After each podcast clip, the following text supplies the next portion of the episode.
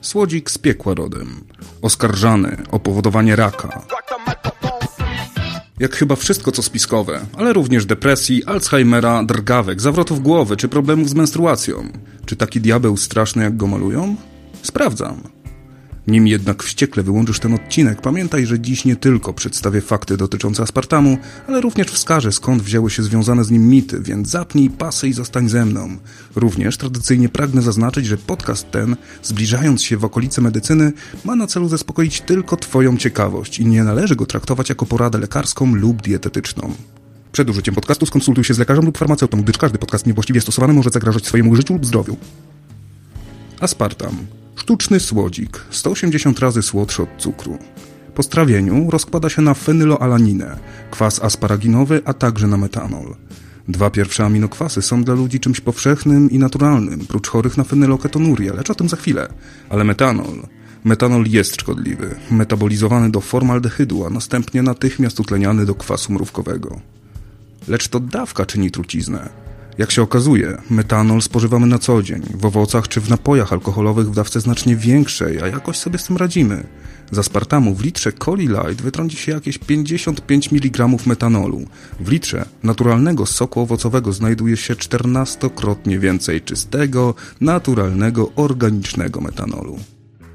Ale wróćmy do fenyloketonurii, czyli rzadkiej choroby genetycznej, wskutek której fenyloalanina nie jest metabolizowana przez organizm, wobec czego aminokwas ten odkłada się w organizmie, powodując powikłania.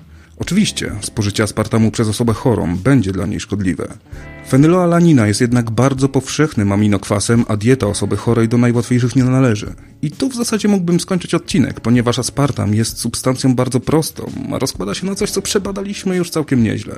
Ale w dobie internetu można wziąć przecież dowolne pojęcie, następnie wylosować ze 20 różnych chorób i objawów i puścić to w sieć.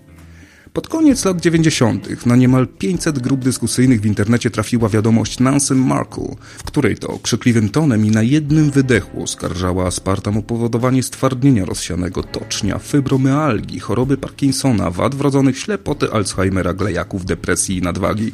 W linkach w opisie znajdziesz echa tej wiadomości i jej oryginalną treść.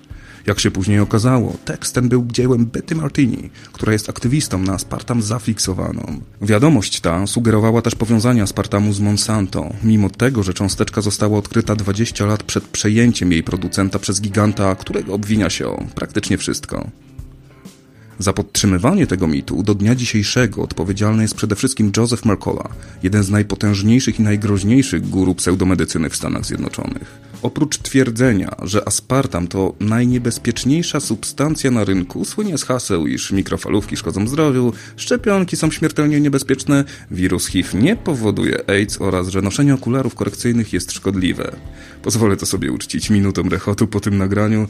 W linkach pod opisem odcinka znajdziesz zaś ponad 100 tekstów Mercoli Aspartamie, które w dużej mierze są odpowiedzialne za popularność tematu w internecie. To, co dziś widujemy w portalach straszących nas aspartamem, chemtrace'ami, szczepionkami i iluminatami, to echa wiadomości z grup dyskusyjnych oraz nagrań i artykułów Josepha Mercoli. Wielokrotnie przetworzone, przemielone i wyplute.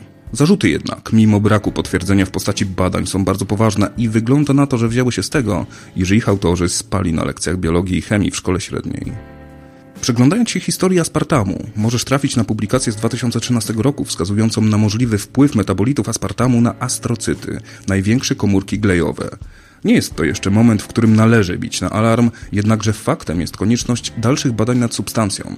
Z aspartamu na świecie korzystamy już ponad 50 lat, więc jeśli zagrożenie byłoby realne i poważne, siłą rzeczy musiałoby to wyjść na jaw. Sianie paniki najzdrowsze nie jest. Jedyny wniosek z publikacji to konieczność dalszych badań. Nic więcej i nic mniej. Krajowa Służba Zdrowia Wielkiej Brytanii, Amerykańskie Stowarzyszenie Onkologiczne, Amerykańska Agencja Żywności i Leków oraz Europejski Urząd do Spraw Bezpieczeństwa Żywności jednoznacznie i zgodnie wskazują, że aspartam jest bezpiecznym dodatkiem do żywności. Obecna dawka uznawana za bezpieczną to 40 mg aspartamu na kilogram masy ciała, co dla 70-kilogramowego człowieka byłoby odpowiednikiem pół kilo cukru zjedzonego dziennie. W testach laboratoryjnych zwierzętom podawano dawki rzędu nawet stukrotnie wyższej od tej i nie udało ich się powiązać ze szkodliwym wpływem na ich zdrowie. Żyjemy w czasach uzależnienia od słodkości. Międzynarodowa Organizacja Zdrowia zaleca spożywanie nie więcej niż 50 gramów cukru każdego dnia. Tyle, ile jest w półlitrowej butelce popularnego ciemnego napoju gazowanego. Co więcej, słowo uzależnienie jest jak najbardziej na miejscu, ponieważ słodycze odpalają nam ośrodek nagrody w układzie nerwowym. Aspartam wygląda na rozsądną alternatywę dla cukru, warto jednak pamiętać, że słodzenie czego popadnie nie jest tak nam naprawdę potrzebne.